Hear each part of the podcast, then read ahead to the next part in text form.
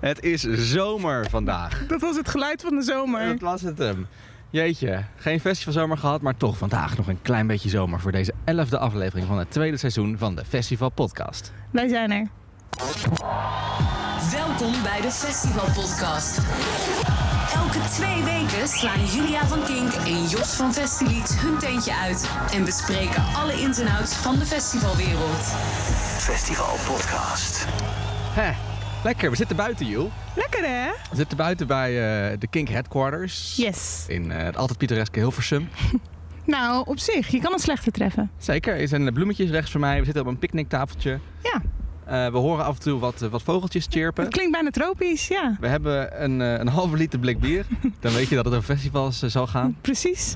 En nou ja, we mogen het dus over festivals gaan hebben. Ja, fijn. Sterker nog, we gaan het een beetje ouderwets maken. We gaan het weer ouderwets hebben over line-up aankondigingen, over geruchten, over speculaties. Ik heb je echt al in lange tijd niet met zo'n big smile gezien. Heerlijk. In plaats van al die ellende, we gaan het weer eens hebben over dingen waar we ons echt voor interesseren. Beginnen met het nieuws dan maar, denk ik. Please. Vers van de Festilied Pers. Het festivalnieuws.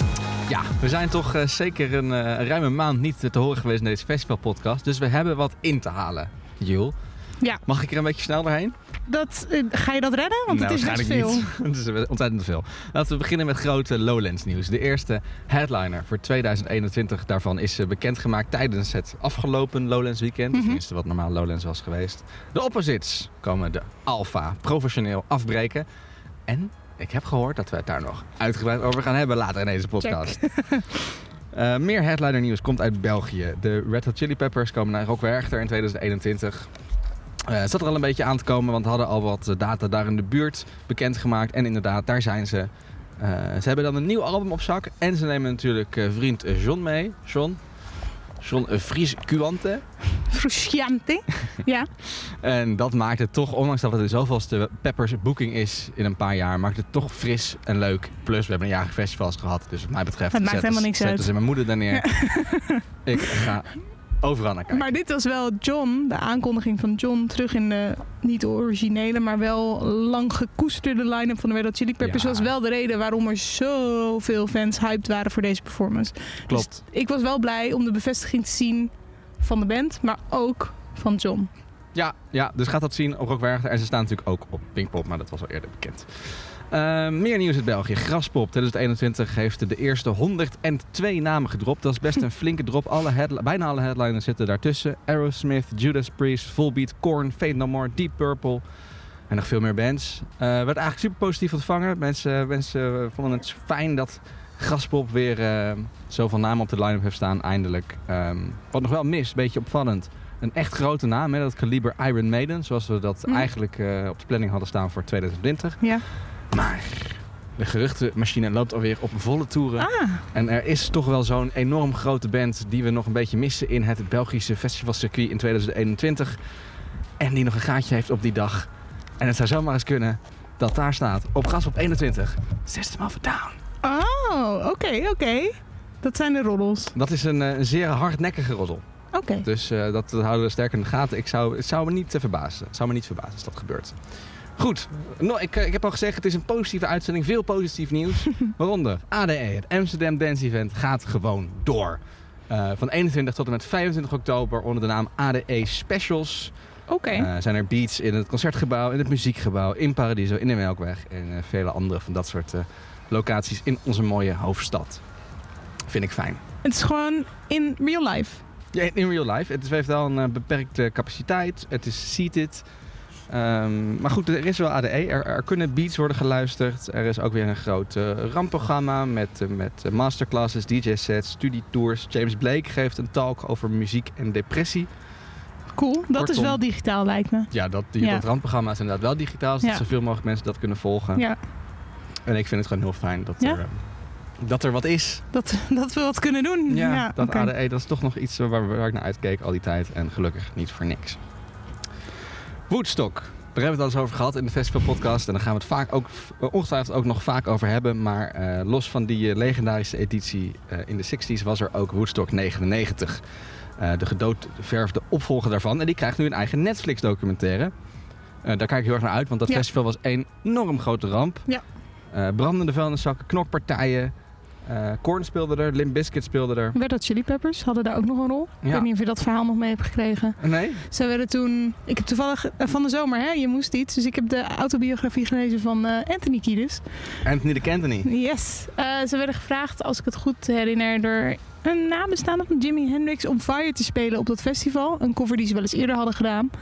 En toen dachten ze, eigenlijk doen we dat niet als we niet zelf daarop ingespeeld zijn, zeg maar. Maar goed, we kunnen geen nee zeggen. Dus ergens in de set begonnen zij als soort van gift aan, die, aan dat familielid Fire te spelen. Terwijl er al brandjes gestookt werden in het publiek. dus ze werden daarna door de recensenten volledig door het slijk gehaald. Omdat zij eh, schijnbaar mensen hadden aangesticht tot brandstichting. Omdat ze Fire gingen spelen. En daarmee mensen helemaal hadden opgejut om eh, heel rebels te zijn. Oh, Anthony. Daar Ja. kent Anthony. De Anthony. Nou goed, eh, dat, dat, voor dat soort verhalen en nog vele andere in zien de vast terug. Ja. Woodstock 99 docu. Eh, wanneer die komt, geen idee. Maar we houden Netflix in de gaten. nou, nog veel meer nieuws. Muse gaat in 2021 op tournee. Hun tourpagina werd al bijgewerkt. Nova Rock is aangekondigd, dat is in Oostenrijk. Twee weken naar Pinkpop is dat. En daardoor is Pinkpop ook wel degelijk een optie. Maar ook daarover later in deze podcast meer. Dan gaan we het Ah. eens even hebben over wie eigenlijk die derde Pinkpop headliner kan worden. Eh, en er komt een nieuw album. Altijd Zo. fijn. Over nieuwe albums gesproken. Ramstein zit in de studio. Radio. Ja. Nou, dat laatste album dat is wel eh, een succesvolste jaren geweest. In ieder geval op Kink, ja. Ja, Ja. dus eh, dat, belooft wat. Er zit, Ja. er zit nog wat in het water daar Ja. bij onze Duitse vrienden. Ja. Dan toch nog even wat coronanieuws. Ja, we moeten het er toch over hebben, zoals ze in eh, Promenade zouden zeggen. Eh, in Newcastle, dat was eh, veel, in de, dat was veel in, de, in, de, in, de, in de spotlight. Ik zie je al een beetje glimlachen, want ik ga inderdaad de naam Sam Fender noemen. Ik weet niet waar je het over hebt. Daar worden weer voorzichtig concerten gegeven. Nou, voorzichtig, de 2500 man, dat is niet niks. Heb jij gezien hoe dat eruit zag? Ja. Ik heb echt voor het eerst deze zomer met serieuze FOMO dit gevolgd. Snap ik. Ja, iedereen had een beetje zijn afgebakende terreintje met zijn bubbel. Hoe lekker. Dus je kon wel gewoon uit je... Want je had, je had... Veel persberichten zeiden dat het alleen maar seated was. Maar je had voorin ook afgebakende vakjes waar je kon staan. Dus gewoon echt zoals je het liefst een concert meemaakt. Met volgens mij max vijf of zes man in een vak. En dat is niet hetzelfde als een bruine massa vooraan bij een podium. Maar misschien juist wel lekker. Want je kan alsnog helemaal losgaan in je eigen groepje. En meeblaren en noem maar op. Heerlijk. Maar je hebt niet de zweetoksels van Jan en Alleman in je hoofd. Ja. Nou, laten we niet eh, doen alsof we dit liever hebben dan dat. N- Nee, maar ik vind het een goed, goed eh, alternatief. Tuurlijk, het is fijn. En Voor het nu. geeft een beetje het teken dat we weer ergens naartoe gaan. Ja. Sam Fender trapte dat af. Eh Kaiser Chiefs sluiten het komend weekend af. De Libertines stonden er nog. De Tudor Cinema Club, Su- Supergrass. Het was echt een, een festivalletje eigenlijk. Had je meegekregen dat landen als België ook keken naar de mogelijkheid van deze setup? Eh, ja, heb ik inderdaad gezien. Sowieso zijn er veel initiatieven. Ja. Ehm, in Frankrijk bijvoorbeeld, daar zien ze het al wel weer zitten om de anderhalve meter eh, te schrappen voor minder dan 5000 mensen. Met wel de voorwaarde dat de maskers dan verplicht worden. We hebben daar een fragmentje van, van, eh, van de premier van Frankrijk. Sorry, ik was, Castex. ik was even afgeleid door de helikopter die hierboven vliegt. Ja, dat is bijzonder. Maar goed. allez au cinéma, allez au théâtre, vous ne risquez rien. D'ailleurs, puisque vous parlez de cinéma, euh, des théâtres, on va rendre là aussi, c'est une décision du Conseil de défense hier, le port systématique du masque. Vous savez qu'avant, on pouvait dire, euh, si on ne peut pas respecter les distances de sécurité, eh bien, il y aura le port du Hoe masque. goed is jouw Frans? Nou, op zich wel oké. Ik heb zes jaar in middelbare school Frans gehad. Ah, oké. Eh, dus dat, dat gaat wel. Nee, hij zei iets over eh, ga naar het theater, ga naar de bioscoop, eh, ga alles lekker doen. Eh, maar als het dan niet lukt om een veilige afstand te houden, dan is dat oké, als zolang je maar een mondkapje draagt. Een beetje zoals onze OV-policy hier. En is dat een beetje gebaseerd op de, op de gedachte dat, mm, dat er genoeg soort van luchtregulation is en dat weinig mensen daar wel allemaal bij elkaar kunnen staan en dan voelen we ons veilig. Oké, Exact, ja. En dat, eh, ook, ook daar gaan we het nog meer over hebben. Het is een volle uitzending. Oké, nou gaan we snel door. Nou, tot slot even nog in Duitsland. Daar eh, ook veel anderhalve meter eh, beweging daar. In Leipzig zijn daar grote, grote experimenten gedaan. Drie concertscenario's zijn daar ehm, nou ja, een soort van nagespeeld. Met meer dan 1500 deelnemers. Die moesten dansen, zingen. Eigenlijk alles doen wat je bij een concert doet. En daar aan de hand daarvan gaan ze nu kijken wat is nou eigenlijk het effect daarvan. Gaat dat nou leiden tot, eh, tot inderdaad infecties? Hm. Tot elkaar? Eh, hoe, hoe beweegt Ja, eh, hoe beweegt de, Ja. de, de uitstoot van elk anders. Maar het is wel interessant, om- want we komen later nog op een onderzoek wat in Nederland gedaan is door een aantal verschillende onafhankelijke en of eh, ingehuurde partijen. Het is wel interessant om te zien dat er over de grens allerlei van dit soort onderzoeken zijn. Ja. Is het niet iets wat dan voor een soort van juist weer nog meer verwarring gaat zorgen? Dat er zoveel verschillende onderzoeken naar worden gedaan, denk je? Ik denk dat het de enige manier is om eh, volgend jaar festivals te hebben en überhaupt weer iets van eh, beweging te krijgen Hmm. in, het hele, in het hele beleid. Want als we dat niet doen en als we moeten wachten op eh, meneer Rutte en mevrouw van Engelshoven, Ja. dan kunnen we lang wachten. Ja, oké. Fair enough. Nou, ik ben benieuwd wat eruit komt dan. Ik ook. Dan, Reading en Leeds, daar gaan we het over hebben. Juist. Daar is wat aan de hand. Ehm, voordat we het daarover hebben, Zullen we even luisteren naar hoe het volgens de laatste aankondigingen volgend jaar zou moeten klinken Ja. als het doorgaat? Ja. Alright. Hey kid, did you know today, 16 years ago, it was you and I for the last time.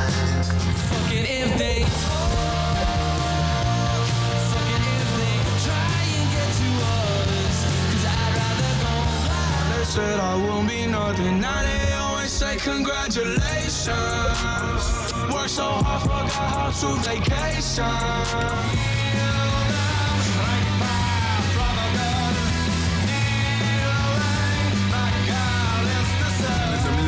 My brothers don't die, we just pussy bop. I tell your girl to link me at the coffee shop. Getting freaky in the sheets, we're taking body shots. Then I finish with a facial just to top it off.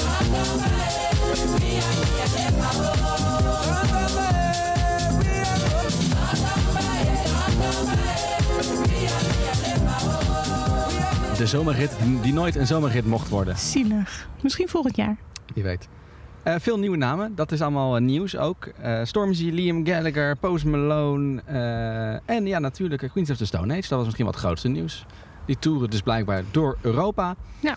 Dat wisten we nog niet eerder en die staan onder andere op Reading en Leeds. En dat is in augustus 2021 in Engeland. Check. Tot Nou. zover het goede nieuws. Ja, ik wou net zeggen, jij hebt genoeg te vertellen hierover. Ja, ja, ja er is eh, veel hashtag ophef ontstaan rondom deze aankondiging van Reading en Leeds. En eh, dat heeft eigenlijk te maken eh, grotendeels met een interview dat de Melvin Ben, dat is de festivalbaas, een beetje de Jan Smeets van, eh, van Reading en Nou, van dat wou ik ook zeggen. Ik ben blij dat jij het zegt. Het is een beetje de Jan Smeets inderdaad ja, van er- Reading er, en er Leeds komen nog wat meer, er ja. komen nog wat meer vergelijkingen naast het feit dat het, dat het de festivalbaas is.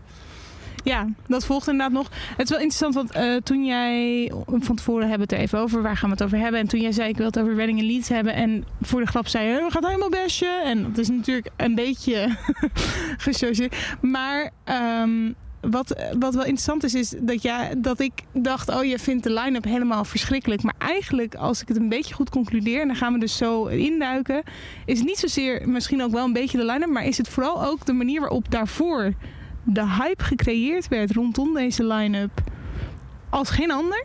Ja, het, het leunt inderdaad Ja. op twee gedachten. Enerzijds is er een interview waar we het uitgebreid over gaan hebben, wat Melvin Ben heeft gegeven, wat echt, eh, nou dat, is, dat kan echt niet. En Melvin Bennis is de festivalbaas van and Leeds. Ja, en anderzijds is het toch ook wel de line-up. Niet zozeer dat ik die artiesten die erop staan niet, eh, niet leuk vind, of niet goed vind, of niet bij Reading, of Ja. whatever. Eh, maar er is wat anders mee. Oké, Maar goed, nou. first things first. go. Ehm, er is dus er is een interview. Dat is van Me- Melvin Ben. Dat is, dat is eh, eh, gepubliceerd bij de NME. Ja. Eh, uiteraard toonaangevende. Het is denk ik wel goed om te weten, we gaan er nu even induiken, maar we zullen in de show notes een linkje plaatsen naar dat interview. Mocht jij zelf nog willen, je eigen onderzoek willen doen, dan kan je het interview op je gemakje nog even doorlezen. Ja. We zullen geen leugens vertellen, maar dan heb je de context nog wat meer. Ja, klopt. Het eerste wat hij daarin zegt, hij liegt eigenlijk het hele interview door bijna. Het is niet normaal.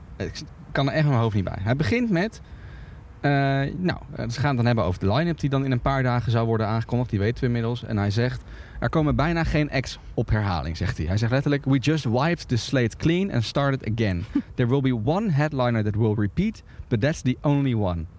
Wat voor mij, toen ik dat las, want de grap is, als je het chronologisch meekrijgt, zie je eerst dit interview.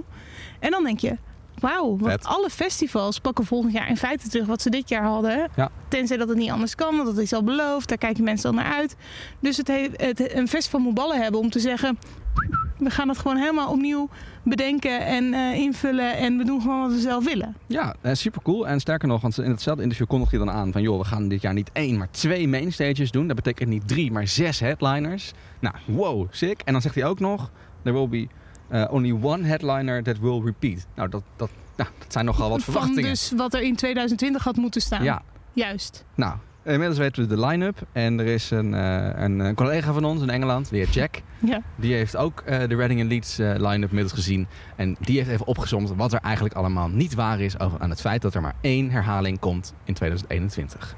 Okay, just I just want to go over this, right? That poster that they released yesterday. Let's get up on screen while we're here. Why not? Stormzy last year, Post Malone was 2019, Liam Gallagher 2020. So already two of the headliners that were booked for this year have been carried over. So he's already misconstruing the truth at this point. Lewis Capaldi was on the lineup for last year for 2020. Tudor Cinema Club was on the lineup for 2020. AJ Tracy was on the lineup for 2020. The Baby played in 2019. Uh, Mabel played in 2019 and was booked for 2020. 100 Gex was booked for 2020. Ash Nico was booked for 2020. Biba Doobie was booked for 2020. Viva 333 was booked for 2020. Lyra was booked for 2020. And Sophie Tucker was booked for 2020. That's 1, 2, 3, 4, 5, 6, 7, 8, 9, 10, 11 artists that were booked out of the 20 that are here. Over 50% of artists that were announced yesterday were carried across from the previous lineup. Now, I've not got a problem with that. Just don't say that's not going to be the case. Say, yeah, a lot of artists that we booked last year are going to carry across. That's fine. I'll be okay with that. But it's just not truthful.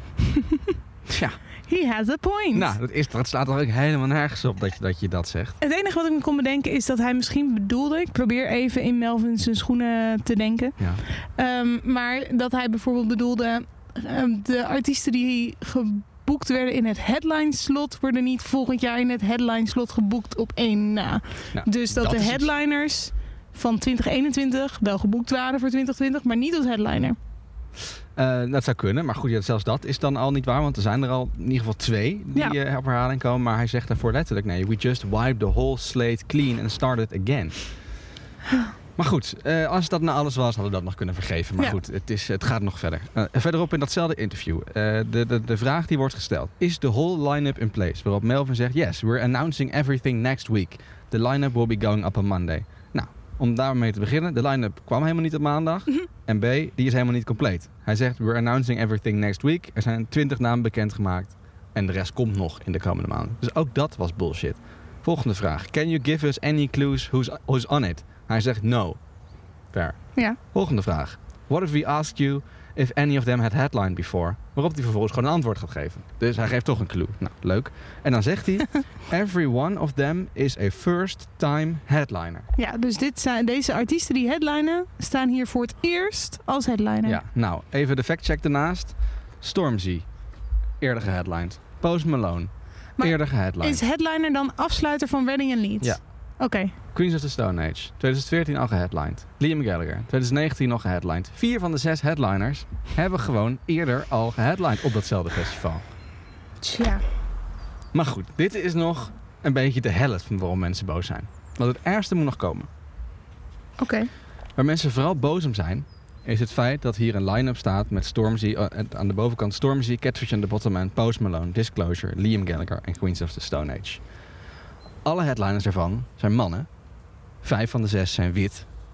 Terwijl Redding en Leeds daar altijd al veel kritiek op heeft gekregen. Het was Redding en Leeds die altijd die bewerkte posters voor zijn kiezen kregen. Waarbij dan Hmm. zeg maar alle, eh, Ah, alle mannen weg zijn geshopt en alleen maar zien welke vrouwelijke ex overblijven. En dat zijn er dan twee, zeg Ja. maar. Ja, en daar kregen zij altijd al die kritiek op. Dus nou, terecht ook in, het, in, in dat NME-interview eh, wordt dat ook weer gevraagd aan Melvin Ja. Ben. Van joh, eh, hoe gaan we daar dit jaar mee om? Ja. En hij reageert met... I think we've got the mix right. It's the most all-encompassing and inclusive Reading and Leeds line-up ever. Dus hij denkt dat hij, het gewoon, dat hij zijn zaakjes goed voor elkaar heeft. Zou het kunnen dat Melvin toevallig een verkeerde paddo heeft genomen en eh, de line-up voor 2022 in zijn dromen heeft bedacht? dat lijkt me de beste manier om voor hem om hier onderuit te komen. Ja. Omdat hij, als hij dat zou zeggen. Melvin, take a leave from our book. Hij heeft mensen nu echt pist gemaakt. Je kan niet zeggen, drie dagen voor de line-up... joh, dit wordt echt de meest inclusieve line-up ooit. En dan met deze, met alleen Ja. maar mannen aankomen. eh, bijna alleen maar witte mannen aankomen. Ja. Ja, en dan gaan mensen dus ook los. Dus er zijn wat statistieken opgezocht. Eh, sinds 2005, 15 jaar geleden, zijn er inmiddels 45 dagen Reading geweest. Eh, op die 45 dagen hebben in totaal 51 headliners gestaan. Het aantal bands met een female member in al die 51 slots, dat waren er twee. Arcade Fire. want Arcade Fire, oké, ja. Ja, Zit een zit vrouw een vrouw band. ergens in die band. Of nou, ergens goed. Ze is ook wel Ja, oké, prominent. maar goed. En Paramore. Oké, nou, waar- vind ik eigenlijk, eigenlijk misschien alleen Paramore echt tellen als ik het... De laatste zo mag zeggen. female solo member was Ja. Björk in 1995. Die op, eh, als, niet als headliner, maar op de mainstage dan? Of Headliner, ja. headliner, oké.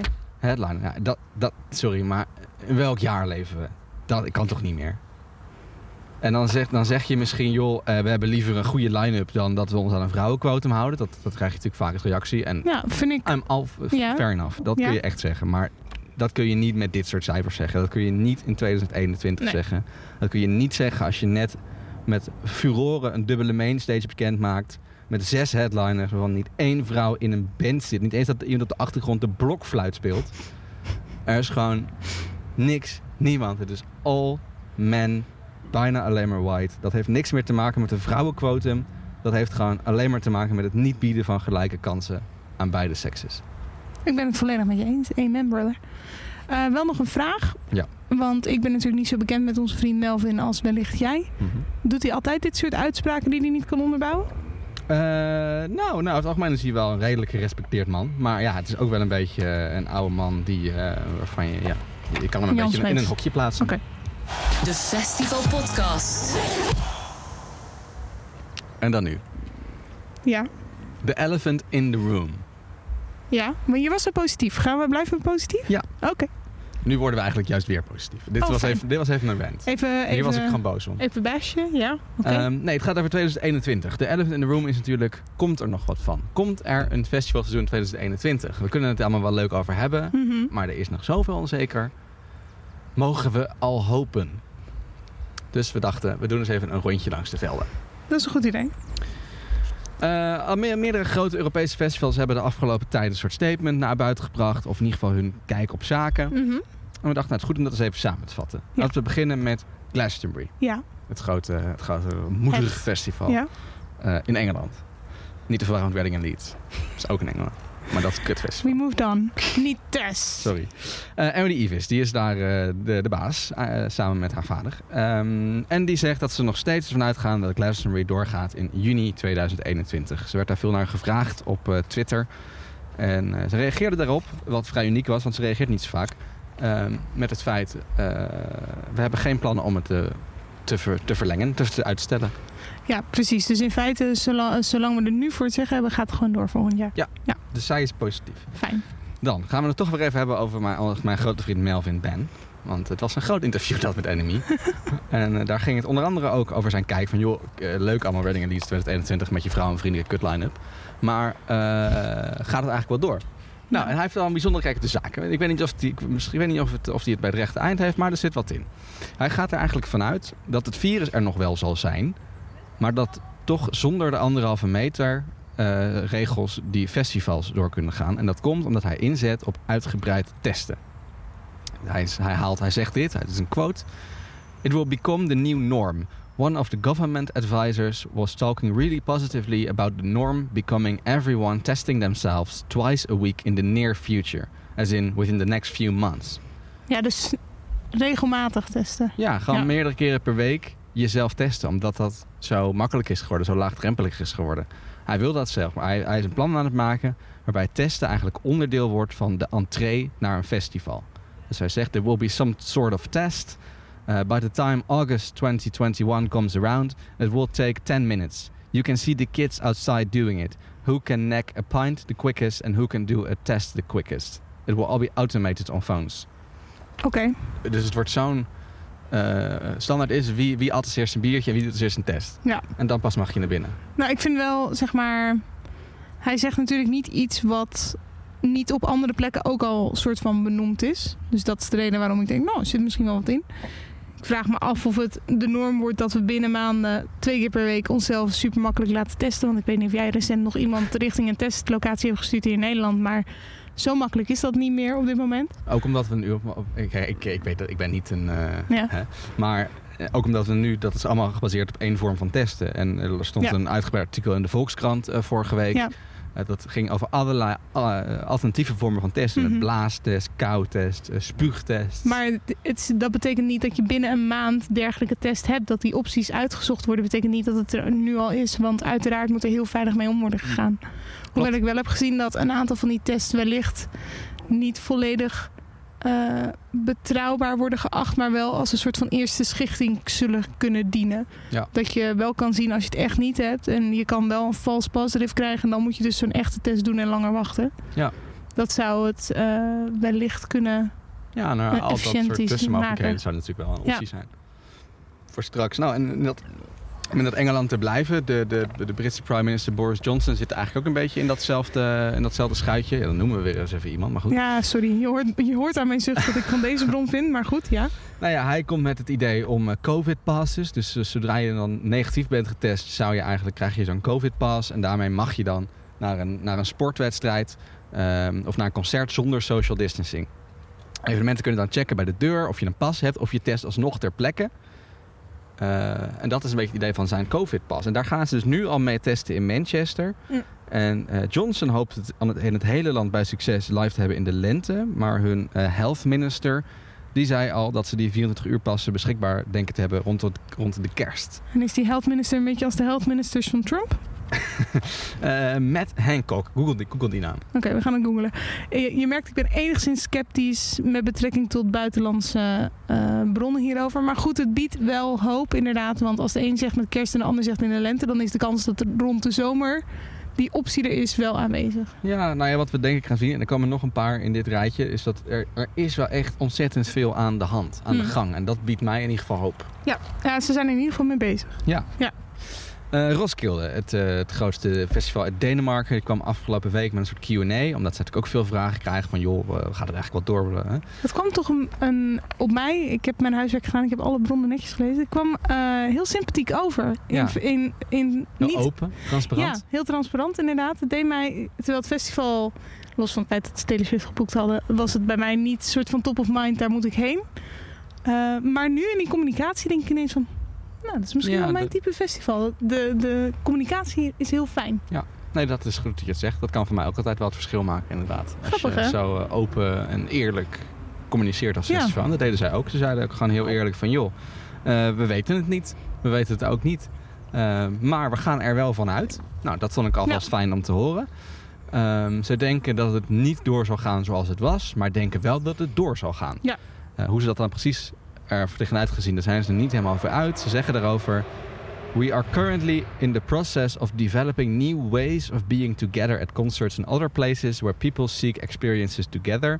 To create new solutions, there is a need for systematic knowledge about the spread of infection and managing large crowds. Nou ja, dat is een goede samenvatting eigenlijk. Dus zij zeggen, ja, we zijn gewoon ontzettend veel dingen aan het proberen, maar we hebben echt veel behoefte aan meer kennis. Yes. Want er is gewoon weinig kennis over wat zo'n eh, virus precies doet, hoe het zich verspreidt en in hoeverre. We zitten bij de racebaan van Hilversum, hè? Ja, het is de Titi van Hilversum. Ja, Ja. Titi Hilversum. nou, en om dan eh, af te sluiten, of met de, de laatste ronde langs de velden. eh, die, De Nederlands wel. ja, die, Ja. die nood die, waar Raskul het over heeft, die, die behoefte aan meer informatie, die voelden ze, die voelden ze bij Mojo ook. Mojo, Mhm. de grootste festival- en concertorganisator van ons land. Ja. Eh, en die zeiden eigenlijk ook, joh, vanuit de overheid komt maar niks. Ja. Er is niks om naar uit te kijken. Er is geen routekaart. Dus we gaan zelf onderzoek doen. Eh, en dit was eigenlijk de conclusie van dat onderwerp. Ja, de belangrijkste conclusie is toch wel dat, dat, dat er wetenschappelijk vastgesteld is dat er buiten amper besmettingen plaatsvinden. Nou, dat is wel een belangrijke conclusie inderdaad. Ja. Al dus Erik in de Kingstad. Yes, in Kingstar bij Michiel. Ja. Eh, nou ja, hij zegt, ja, na diverse onderzoeken is, is, is, is, eh, komt duidelijk dat, dat de meeste, 96% van de besmettingen zelfs binnen plaatsvindt. Dus in hun onderzoek staat ze ook, joh, een verjaardag met 10 personen in een woonkamer levert echt een veel groter risico op besmetting Hm. op dan het verblijf in een grote concertzaal. Eh, het gaat om hoe goed die ruimte te, te ventileren is. Kijk, zo'n Ziggo Dome, die kan acht keer per uur de volledige zuurstofcapaciteit helemaal verversen. Avals Live en Ahoy hebben ook dat soort ventilatiesystemen. Ja. Nou, eh, de huiskamer van mijn tante heeft dat niet. Nee. Hoewel ze wel een mooie huiskamer Mhm. heeft. Echt, kunnen we het ook een keer ja. over hebben. Ja. Maar wat, zij, wat, wat hij terecht zegt, wat een beetje de gist is, denk ik ook van hun onderzoek. Joh, doe nou niet alle mensenmassa's, alle bijeenkomsten op één hoop. Ja, het is, is niet allemaal hetzelfde. Ja. Dat is inderdaad ook wel een discussie die even kort ter sprake kwam in de periode dat ehm, eh, de overheid natuurlijk best wel lenient is geweest ten opzichte van eh, vluchten en, en reizen met vliegtuigen en dergelijke. Daarmee zeg ik niet dat dat wel kan, want ik ben geen onderzoeker, dus geen idee. Maar daar hebben ze natuurlijk ook wel verversing van, eh, van lucht. Wellicht niet van buiten, dat weet ik niet precies. Maar inderdaad, het is gewoon niet allemaal hetzelfde. Vliegen is weer anders dan in een huiskamer zitten. En dat is weer anders dan in een, in, op een festival zijn. En dat is weer anders dan in een avonds live staan, bij wijze van. Eh, en dat is ook eigenlijk heel logisch. Ja, ja en dan, daar- daarom zegt Moja ook van joh, eh, doe alsjeblieft dit onderzoek. Of luister naar ons onderzoek of Ja. doe zelf onderzoek. Want het is niet allemaal hetzelfde. En zij zeggen, ze- dat onderzoek is echt uitgebreid. Echt een aanrader om dat te lezen. Ehm, zij gaan er gewoon eigenlijk vanuit dat zij veilige evenementen kunnen organiseren. Zoals Lowlands 2021. Zowel in tenten als buiten. We moeten een beetje met de voeten op aarde komen als eh, Nederland. We zijn allemaal angstig, maar na drie maanden, vier maanden is er echt wel meer duidelijk waarop we een nieuw soort beleid en een nieuw soort beleidslijn uit kunnen gaan zetten. En dat is gewoon het doel, van, van dat we met de overheid gaan zitten en zeggen van hoe gaan we de volgende stappen maken. Ja, nou, dat is eigenlijk wat jij dus ook zegt. Het is eigenlijk, vind ik, van de Zotte, maar goed, wel goed dat ze het doen. Maar van de Zotte dat zij natuurlijk een onderzoek moeten starten op eigen kosten. Omdat de overheid met veel andere dingen bezig is. Aan de andere kant, de overheid is met heel veel andere dingen bezig. Dat is ook wel weer logisch. Ja. Ehm, maar ja. het duurt gewoon te lang. Fijn dat een, een bedrijf als Mooier dan dus het initiatief neemt om dat soort onderzoeken te doen. Ja, uiteraard hebben zij daar een groot belang bij. Maar dat is niet, tenminste, ze doen het wel. En des, omdat ze zo'n belang hebben, snap ik ook dat een overheidspartij misschien zou zeggen: ze hebben er een belang bij, dus we moeten zelf nog een onderzoek ernaar doen om het te bevestigen. Ja, nou, Maar get do. going, Ja. want aankomende zomer willen we graag weer op een festival staan. Ja, nou dat is het. Dus eh, ja, om dit, toch, om dit blokje dan een beetje te concluderen. Ehm, er is volgens mij best wel veel optimisme. Roskilde, Glastonbury, ze gaan er eigenlijk allemaal wel vanuit dat het volgend jaar door kan gaan. Zij het niet op de manier waarop we het gewend waren. Volgens mij zijn er dan een beetje drie manieren, drie wegen die naar Rome leiden. Ja. Eén is dat heilige vaccin waar we het met z'n allen over hebben. Dat zou... Wij hebben een weddenschap intern wanneer dat. ja, dat snap ik. Goed. Ja, ja nee, dat zou natuurlijk mooi zijn. Aan de andere kant is er ook zoveel onzeker over. Daar kun je haast niet op gaan eh, berekenen. Dus de tweede optie naast het vaccin is dat er heel veel innovaties gaan komen rondom het testen. Dat is een beetje de Melvin Ben manier. Ja. Eh, als je bij de ingang gewoon iedereen kan testen of ze oké zijn of niet, dan kun je dat festivalterrein zelf eigenlijk een soort eh, ja, veilig gebied Ja. verklaren. Ja. Ehm, dat is een optie. Of optie drie is dat we eigenlijk met z'n allen gaan beslissen, of dat het kabinet gaat beslissen, dat die maatregelen die er nu zijn niet, heem- niet in balans zijn Ja. met de gevolgen die het heeft. De economische gevolgen die het heeft. Eh, of de culturele gevolgen die het Hmm. heeft. Ik denk wel dat eh, we kijken naar een branche die zo creatief is in alle verschillende vormen. Dat het bijna in mijn hoofd onmogelijk is dat al die creatieve koppen binnen een jaar niet iets hebben kunnen bedenken waarmee het toch op een bepaalde manier veilig kan zijn. Om in bepaalde vorm festivals te hebben volgende zomer. Dus het, het stemt mij enigszins positief. Maar stemt het ook, eh, mij stemt het ook positief. De, het moet, de overheid moet gaan luisteren naar al deze eh, roepen. Er moet echt veel onderzoek komen. Mojo heeft een goede eerste stap gezet, maar er is nog veel meer nodig. Ja. Eh, iedereen roept ook echt op aan de overheid of aan wie dan ook. Doe onderzoek, kom met onderzoek. Leipzig is bezig, Frankrijk is bezig, Ja. België is bezig, Engeland is bezig. Wij zijn weinig bezig. Hm. Er komt eigenlijk bijna niks vanuit de overheid. Dus we zullen het zelf moeten doen als evenementenindustrie. Hm. En gelukkig hebben we daar genoeg positiviteit en creativiteit voor. Voor de mensen die diepgang willen, we zullen ook een linkje naar het onderzoek wat Mojo heeft gedaan plaatsen in de show notes. De Festival Podcast. Pinkpop, Ja. toch? Ja, laten we een wat luchtig onderwerp. Eh, We hebben het al over de Jansmees van Engeland gehad. ja, nu gaan we het over onze eigen Jansmeets hebben. Nee, Jij zei, ik wil eigenlijk wel weer deze podcast geruchten doorspreken. Toen zei ik, Ja. zijn er geruchten dan? En toen zei je, nou, maar zeker zijn er geruchten. Dus Jos, Ja. wil je eerst de bevestigingen doorlopen? Nog even kort? Eh, ja, zeker. Ik heb, ja, ik heb ze niet allemaal, eh, moet ik Ah, zeggen, ja. voor me. Maar eh, het, is, het gaat over Pinkpop. Het Ja. Deze week kun je, je, kun je weer Pinkpop kaarten kopen. De, de kaartverkoop start opnieuw Oh. vanaf vrijdag. Oké. Eh, je kan ook je voucher die je in eh, mei hebt kunnen aanvragen, kun je nu gaan ehm, inwisselen voor daadwerkelijk het ticket.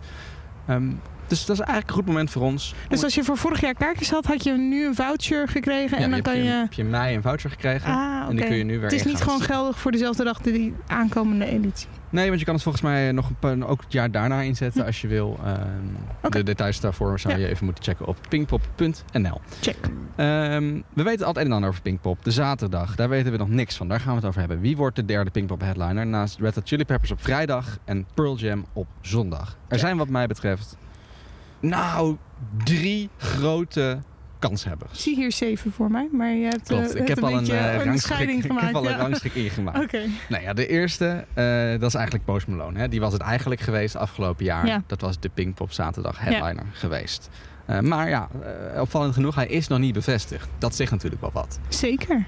Ehm, tegelijkertijd is hij inmiddels, we hadden het er net, net al even over, een bevestigd voor Reading. Ja. In augustus 2021. Dus hij toert wel degelijk, ook door Europa. Ja. Maar eh Reading is in augustus, juni, of eh, Pinkpop is in juni. Van juni tot en met augustus toeren is eigenlijk, gebeurt eigenlijk bijna niet eh, door Amerikanen zo lang toeren door Europa. Die kiezen of een vroeg of een laat seizoen. Plus is het feit dat hij nog niet is aangekondigd, doet mij twijfelen aan het feit of hij überhaupt nog komt. Opvallend genoeg is daar nog geen communicatie geweest over door Pinkpop. Ja. Dat is natuurlijk eigenlijk misschien raar, maar Ja. goed. Eh, dat is hij. Nou, als Post Malone het dan niet is, wie zou het dan wel kunnen zijn? Post Malone is wel een van de grote kanshebbers, hoor. Begrijp me niet verkeerd. Eh Gorillaz is de naam die ik dan wil noemen. Die hebben een show bevestigd op Primavera. Mhm. Die hebben een show bevestigd op Rock Werchter. Pinkpop valt daar precies tussen. Eh zou denk ik ook mooi in balans zijn met die twee grote rocknamen. Hè? Red Hot Chili Peppers en Pearl Jam. Om daar Gorillaz dan Ja, dan tussen te zetten. Ja. Eh, maar goed, dan moet ik toch ook een nadeeltje noemen. Oh. Eh, als Gorillaz er daadwerkelijk zou staan, zou dat betekenen dat alle Pinkpop headliners eh, gelijk zijn met de Rock Werchter headliners. En dat gebeurt eigenlijk nooit. Eh Pinkpop heeft altijd wel één headliner die Rock Werchter dan niet heeft. hm. Oké, maar dat kan een keer in dit jaar met de gekke boekingen en dergelijke. Zou kunnen, zou kunnen. Dus, eh, dus nou, dat, eh, nee, dat, dat, is dan, dat is dan een optie, Gorilla's. Ja. Nou, even wat iets mindere grote kansen. Eh Billie Eilish, die heeft nog een Ziggo Dome show van dit jaar, van afgelopen jaar in te halen. Die was heel snel uitverkocht, dus Dat misschien klopt. kan ze Ja. de Pinkpop wel aan. Zou kunnen. Ja? Echt, er is ook Ja, een gerucht, gerucht voor het Firefly Festival in Amerika datzelfde weekend. Oh. Dus dat is dan wel weer een, een nadeel. Ja. Kings of Leon en The Killers zijn in de buurt. Ze zijn allebei op Hurricane Festival in Duitsland. Zou ook allebei kunnen, echt. want Ze staan daar ehm, in hetzelfde weekend als Pinkpop. En als ze dan ook op Pinkpop zouden spelen, betekent dat dat ze alle twee drie dagen achter elkaar spelen. Ah, oké. En over het algemeen is dat vrij veel voor Is dat een een band. lastig, ja. Of los, nog los van wat de bandleden zelf kunnen, is dat ook qua logistiek allemaal ingewikkeld. Ja. Dus dat, dat, is dan weer, dat maakt het een wat minder grote kans. Er zijn nog wat vage geruchten over Metallica en over Arctic Monkeys. Dat die weer shows gaan doen volgend jaar. Weinig over bekend. Mocht daar meer over zijn, hoor je dat in deze podcast. En dan blijft er over mijn eigen favoriet. Oh, jemig. Wat, tenminste, wat ik dan denk. Is Gorillaz niet jouw favoriet? Eh, nee, ik zie die liever ergens anders. Ah, zo. Oké, oké, oké. Ja. Eh, maar ik bedoel meer favoriet qua wat ik denk wat er gaat Ja. komen. En dat is eh, Muse.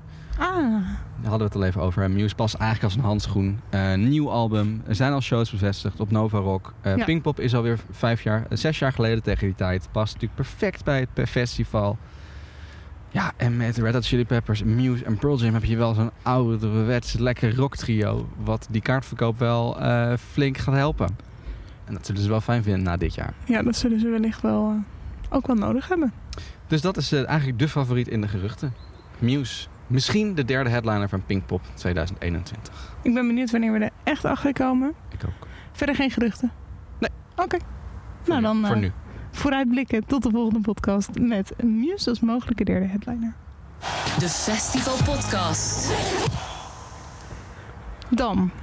ehm, Lowlands heeft ook een eerste headliner. Lowlands, zin in, zin in, Oh. Lowlands. Miep. I wish. Ja, nou ja, voor volgend jaar eh, aangekondigd. Ehm, namelijk de Opposites. Ehm, en dat is heel tof, want Twan en Willem hebben allebei een soort van legendary status op Lowlands. Dat hebben ze onder andere te danken aan hun legendarische Alpha Show in 2013. Ehm, want dat was een van de shows waar je bij moest zijn. Dus we dachten, Ja, zo'n, zo'n, zo'n echt zo eentje die dan de velden rondgaat van... oh, was je daar, de opposites op Lowlands 2013. jaren later inderdaad Ja, nog. Zo eentje. Dat je, dat je op het veld zit te kijken naar de Alpha en denkt, oh ja, in 2013 met die Ja. show. Dus we dachten, we hebben deze zomer zo weinig dat gevoel gehad van epische shows. Want, let's be honest, ja, een livestream hier en daar, maar een echte live show was er niet. We dachten, we duiken er gewoon ietsje dieper in. Dus eh, hoe zag dat optreden eruit? Hoe kwam het terecht? Waarom is het zo episch? De opbouw. Nou ja, eh, Lowlands 2013. Dat kwam natuurlijk niet direct daar voor de opposites. Mhm. Eh, daar ging wat aan vooraf. Ehm, ze speelden voor het eerst de opposites daar in 2006. En mochten sindsdien nog twee keer terugkomen. Ze bouwden echt een goede band op in de tussentijd. Ehm, ik moet zeggen, vaak moesten ze, kwamen, stonden ze daar niet zelf. Maar moesten ze het podium delen met Oh ja. eh, de jeugdvertegenwoordiger, met Dio, met flinke namen. Ja. Eh, maar goed, dat de opposites van Lowlands houden, dat werd wel duidelijk. Onder andere toen ze in 2010 het nummer Crazy Zin inmaakten met natuurlijk die legendarische tekst.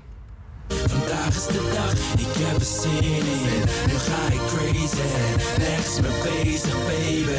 Vandaag is de dag. Lowlands, zin in, zin in. Lowlands, lowlands, zin in, zin in. Lowlands, lowlands, zin in, in. Lowlands, lowlands, in, in. Lowlands. Heb je al zin in Lowlands? Ja, zin in Lowlands. Ja. Ah. Nee, drie jaar later, drie jaar na dit nummer, 2013, kwam eh, Slapeloze Nachten uit. Het grote commerciële succesalbum voor de Opposites. Daarmee verdienden ze eh, eindelijk dat solo optreden op Lowlands. Dat mocht dan direct in de Alpha, sterker nog in de namiddag om half vijf op zaterdag 17 augustus. Dat is het optreden waar we het nu over gaan hebben. Dat legendarische Lowlands optreden, de Opposites op Lowlands 2013. En eh, we hebben een fan gevonden, dat doen we altijd graag bij de Festival Podcast. In Hm. dit geval is dat Eva Hilman, die was erbij toen in 2013. En die kan ons precies vertellen waarom die show zo legendarisch was.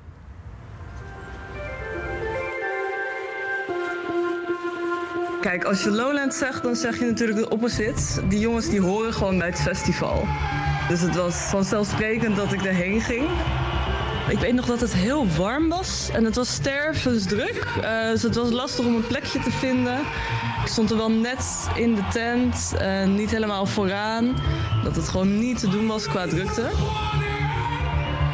Ja, het moment dat de show begon, was het eigenlijk al gelijk duidelijk dat het echt een topuurtje gaat worden.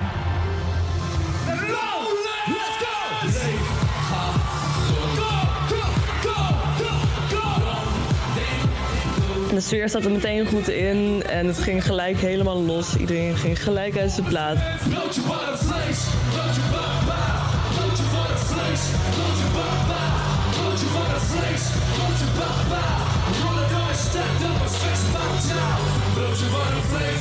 Het ultieme hoogtepunt van de set was dan toch wel de afsluiting van de set, namelijk met eh, Thunder.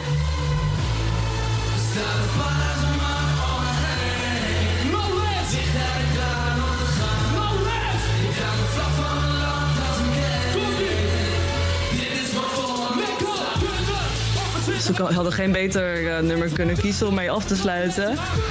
Ja, het is gewoon een, een steengoed nummer wat op zo'n festivalterrein als Lowlands het altijd echt goed doet en gewoon de show geweldig afsluit.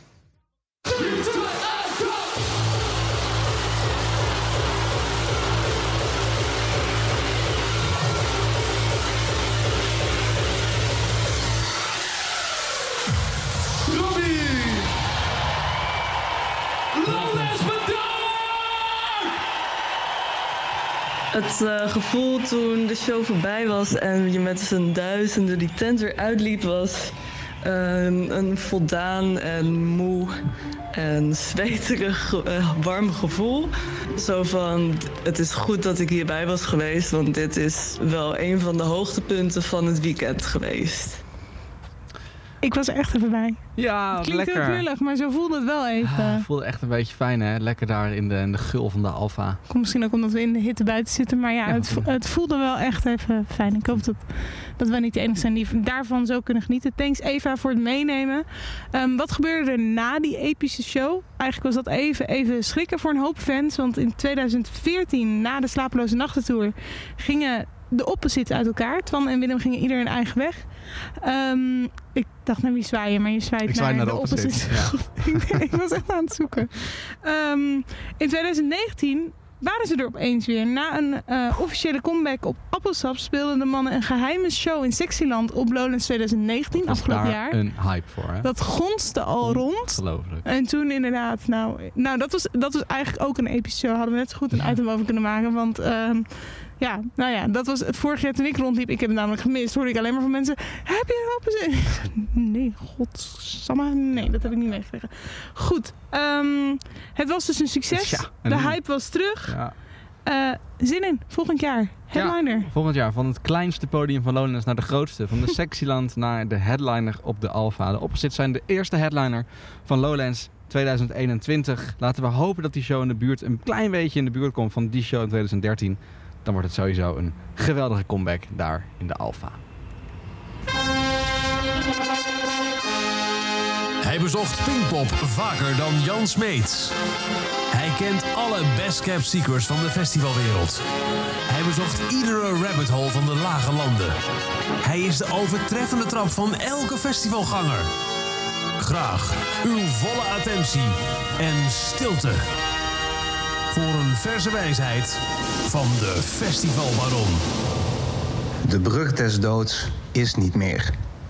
Dat is goed nieuws voor je rug. Geen hernia de volgende keer. Wat fijn dat de Festivalbaron terug is. Wat een mooie wijsheid weer van de Nou. Festivalbaron. Wat een positieve noot. Het past helemaal in deze podcast. Ja, Ja, ja, ja. Nou, nog één, nog één dingetje dan. Goed, voor we ermee ophouden Nou, voor vooruit, deze keer.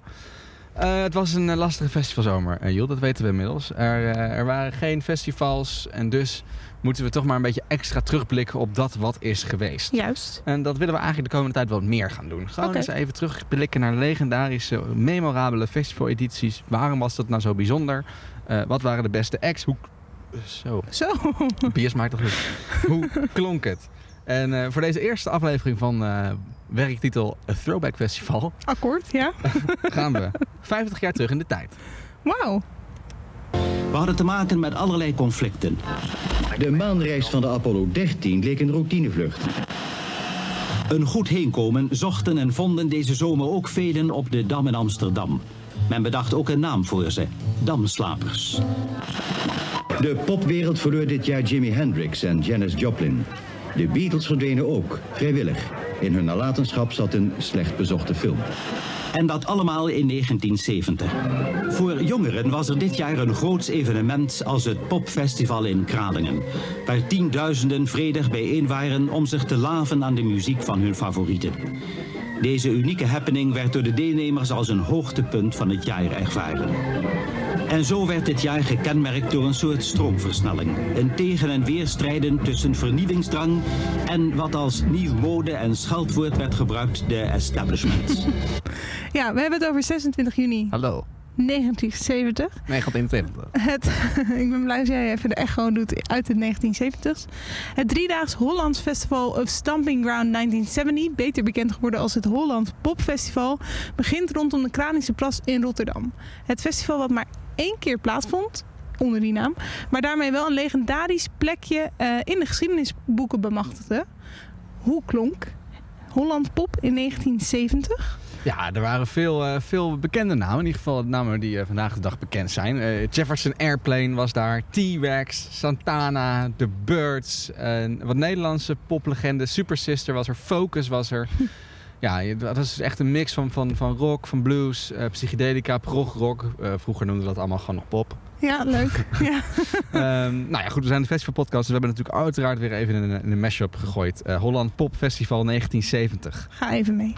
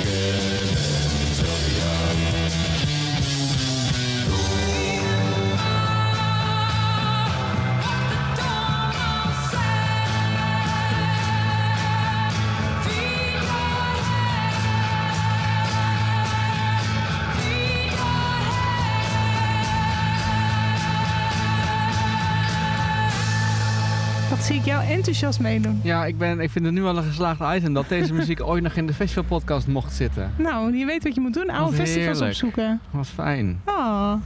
Hebben we een stukje jou gevonden? Ja, dit is, eh, de- over, dit, over deze tijd heb ik het niet vaak in mijn leven, maar vind ik wel mooie muziek. Ehm, wat we gaan doen is we gaan hem nog iets verder uitpluizen. Namelijk voor de mensen die er wel bij waren. Ik weet niet hoeveel van onze luisteraars eh, Weinig. dat kunnen we zeggen. Maar eh, we hebben de optredens van het festival verdeeld in de drie beste optredens. Op het festival stonden een paar van de grootste alternatieve bands van de jaren 60 geprogrammeerd. Drie dagen lang was het in het Kralingse Bos gewoon één groot feest. En wat waren dus de beste shows? We kunnen niet terugduiken in de recensies zoals nu. Het was niet zo georganiseerd uiteraard. Dus we baseren deze top 3 grotendeels op de kranten van toen. Leuk. Want die hebben natuurlijk wel ehm, enigszins daar een, eh, eh, een verslag van gedaan. Op nummer 3. We gaan het even opbouwen. Op nummer 3. CCC Inc. Op de derde plaats vinden we de enige Nederlandse band die geprogrammeerd stond op het hoofdpodium. CCC Inc. Eh, dat staat voor Capital Canal City Folks and Blues Incorporated. Luister maar mee, dat is een folkband die opgericht werd in 1967. En ze klinken dus zo.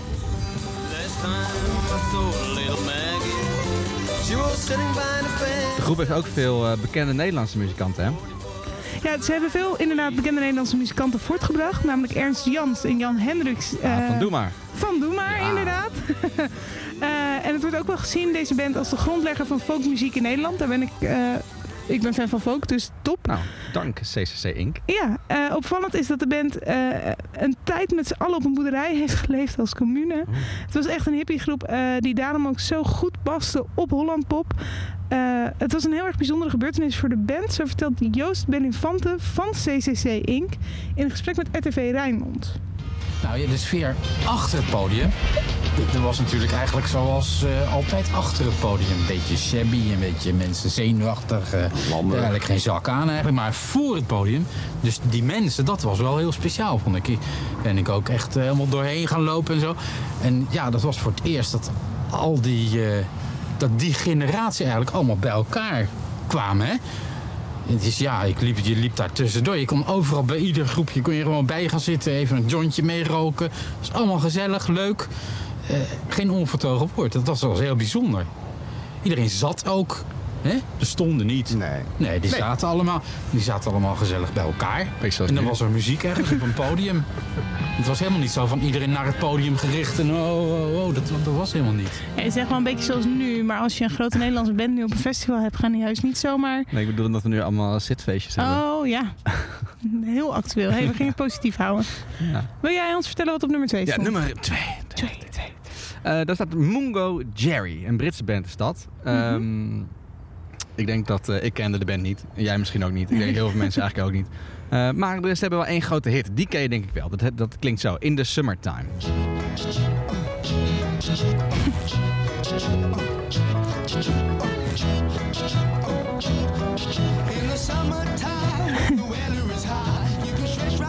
Ja, gewoon fijn. En vanwege deze hit was het ook dat ze toch mochten komen? Klopt. Eh, echt puur op deze hit werden ze naar Rotterdam gehaald. Eh, maar wel met succes, want het eh, AD schreef Ontdekking van de maand. Mungo Jerry, een zeer solide, rockende groep. Inspireerde de menigte tot het massaal in de lucht gooien van plastic borden, wc-rollen, dekens en paraplu's. Zelfs boomtoppen werden ritmisch in beweging gebracht. Ja. Dat zei het AD. En het Vrije Volk, ook een van mijn favoriete kranten, schreef... eh, Mungo Jerry oogste in Kralingen de meest stormachtige bijval van alle optredende groepen. Zelfs de meest luidkeelse toejuichingen die de Bird zaterdag ten deel vielen... waren daarbij vergeleken kinderwerk. Het is leuk, Mungo Jerry. Ik heb er inderdaad nog nooit van gehoord. Het liedje herken ik wel. Maar ehm, je, je hoort weer een zweefvliegtuig overvliegen. Ja, mijn koptelefoon viel er even uit. Oh, ik dacht je, laat, je hoort het zweefvliegtuig dat ons mee terugneemt naar 1970. En, nou, dat eh, klinkt wel daardoor een beetje. Je, ja. ja. Eh, maar ik had nog nooit van deze band gehoord. Inderdaad, het liedje herkende ik enigszins. Mungo Jerry. wat Onthoud is er nu naam. van gebeurd? Ja, nee, serieus. Dat vraag ik me nog wel af. Daar kunnen we misschien nog een keer induiken. Want ik ben wel benieuwd hoe, eh, hoe zich dat heeft ontwikkeld.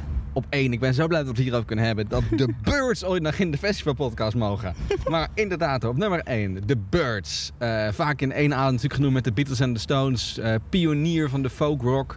Ehm, ja, ik, eh, hun beste nummer gaan we helaas niet laten horen. Dat is natuurlijk Mr. Tambourine Man.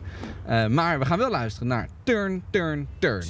every stage turn, turn. There is a season, turn, turn,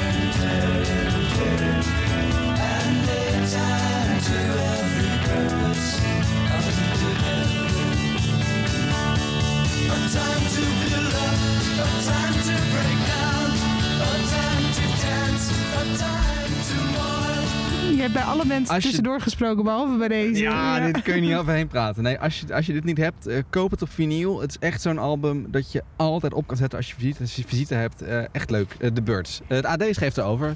Zoals verwacht brachten The Birds zaterdag tienduizenden mensen met superieure muziek in extase. Maar dat het allemaal zo prachtig zou worden dat de heren pas na vijf toegiften hun twee uur durende optreden mochten afbreken, had niemand voor mogelijk gehouden.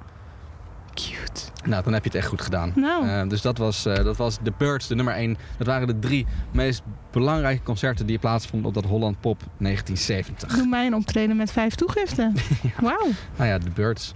Nou, wij kunnen dat ontzettend romantiseren. Zoals alleen maar mensen kunnen die in de toekomst terugkijken, 50 jaar, maar er mooi niet bij waren. Dus het is denk ik wel enigszins de moeite waard om het te vragen aan iemand die er wel bij was, 50 jaar geleden. Ehm, dat is Robert Jan. Eh, hij was 16 en hij was één van de vele illegale, tussen bezoekers. Iets waar hij achteraf wel een beetje spijt van heeft. Eh, maar het festival heeft oprecht een hele onuitwisbare indruk op hem achtergelaten.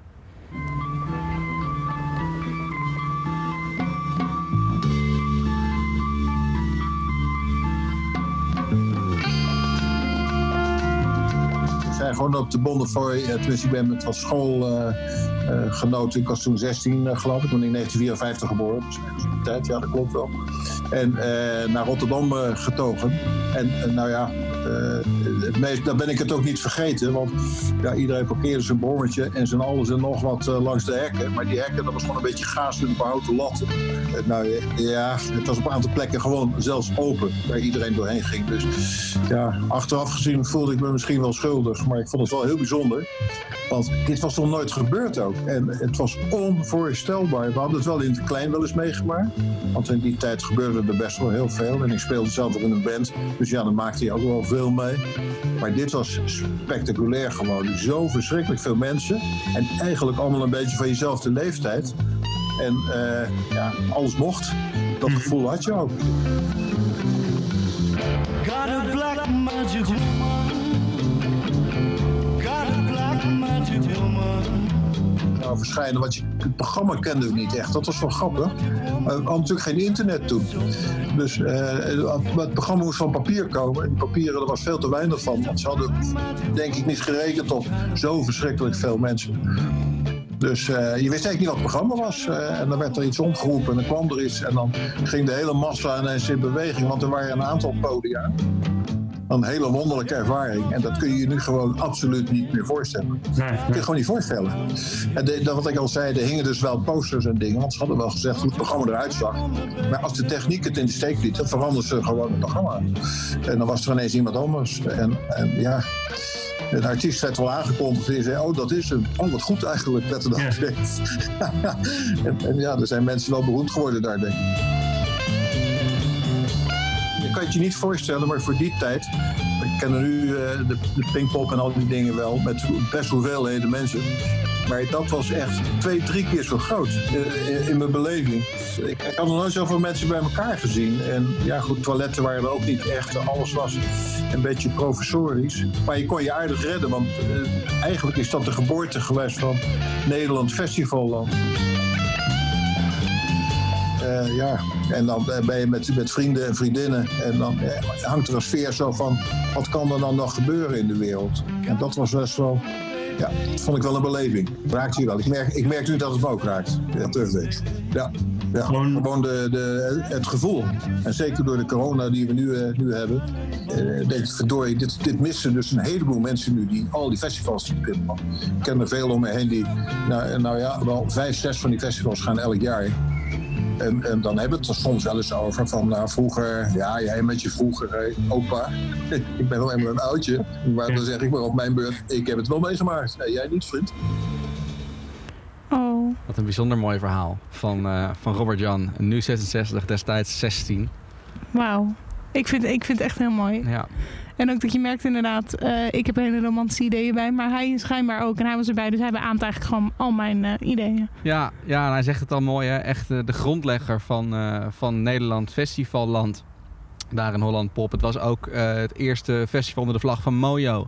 Dat heeft het begonnen. Het was een van de eerste evenementen waar een gedoogbeleid werd gehanteerd wat betreft softdrugs. Eh, ook, ja, moet ook, er was ook een groot verhaal rondom de financiën. Dat ging helemaal mis.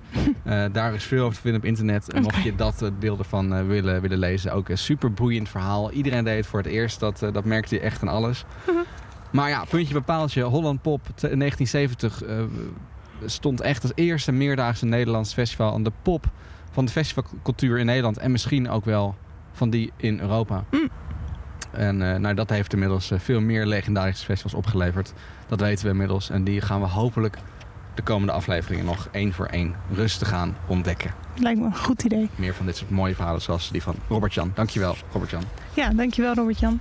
Ehm, ik denk dat dit meer dan genoeg was voor deze aflevering. Ik vond het heel fijn om weer zoveel dingen te bespreken. wat weer niet- te wat- mogen vertellen, Wat ja. niet allemaal eh, corona en afzeggingen en... eh, nou, vooral geen afzeggingen. Het heeft Ja. er natuurlijk wel mee te maken, maar het biedt enige hoop en eh, een blik in de toekomst in plaats van alleen maar terugkijken naar negatief nieuws. Ik heb het idee dat het ergste achter de rug is. Dat we echt met z'n allen weer vooruit kunnen gaan kijken. Dat we weer kunnen gaan hopen op Festival Zomer 2021. Dat het gaat gebeuren. Ja. En eh, ik kijk daar naar uit de komende maanden om daar weer veel nieuws en geruchten van eh, te delen hier in de Festival Podcast. Laten we dat eh, proberen. Ehm, dan rest ons nog even om dankwoord te zeggen aan de redactie. Hanna, Joris, Ruben, Boudewijn, Job en Judith. Dank jullie wel voor jullie inzet van deze uitzending. Eh, we zijn er snel weer als we weer wat nieuws te melden hebben. Hou het in de gaten en eh, tot die uitzending. Dit is een podcast van Kink. Voor meer podcasts, playlists en radio, check kink.nl.